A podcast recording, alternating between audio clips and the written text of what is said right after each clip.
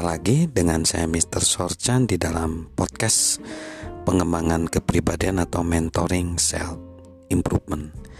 Kita tiba di poin yang kelima, untuk meningkatkan orang lain, saya harus membuat diri saya lebih berarti.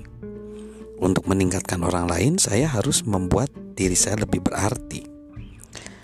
Gagasan untuk meningkatkan nilai orang lain bergantung sebenarnya tergantung pada apakah kita memiliki sesuatu yang berharga untuk diberikan.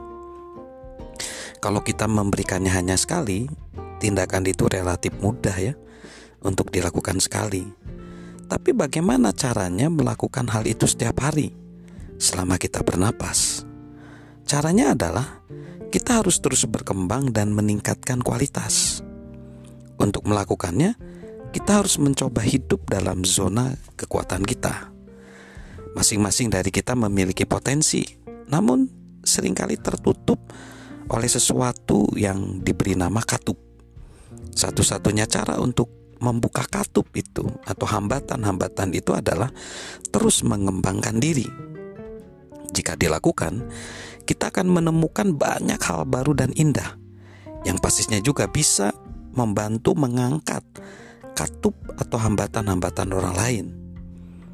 Jadi kita kita bisa saja menganggap diri kita sebagai pengangkat katup orang lain karena kita selalu berusaha melihat potensi terbesar mereka dan memberikan arahan untuk bangkit dan berlari.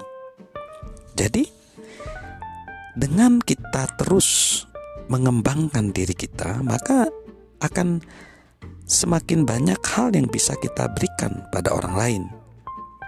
Coba perhatikan kata-kata dari John C. Maxwell yang berkata bahwa selama dia ingin hidup di dalam pengembangan kepribadian, dia berkata begini, Selama 40 tahun saya memimpin banyak orang lewat berbagai program yang akan anda mulai malam ini.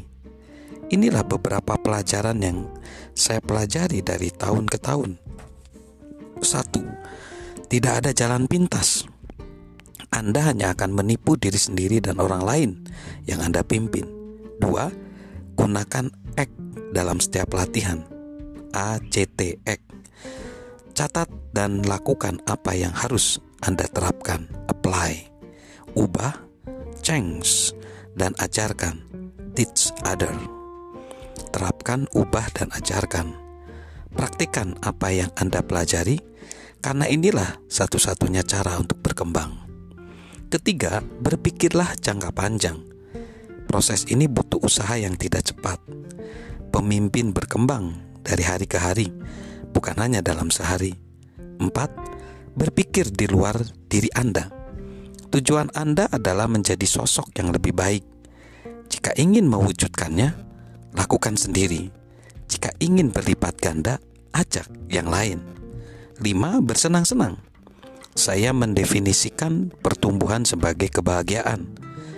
Tim saya berjanji memberikan apa yang Anda butuhkan dan membantu Anda menjadi sosok yang diinginkan. Kami 100% akan mendampingi Anda. Tidak ada alasan bersama-sama kita bisa membuat perbedaan. Ini adalah kesempatan Anda untuk melakukan sesuatu yang akan menjadi inspirasi kuat buat ribuan orang. Masuklah ke dalam cerita. Andalah tokoh utamanya. Saya pikir yang dikatakan John C. Maxwell ini bisa kita lakukan juga. Karena apa? Ada lima hal di situ. Tidak ada jalan pintas. Harus kita terapkan berpikir jangka panjang, berpikir di luar kita, dan kita harus bersenang-senang. Bersenang-senang di sini artinya menemukan kesenangan di dalam pertumbuhan kepribadian. So, marilah kita sadar bahwa untuk meningkatkan nilai orang lain, kita harus membuat diri kita lebih berarti untuk membuat diri kita lebih berarti ya kita harus mengembangkan kepribadian kita setiap hari.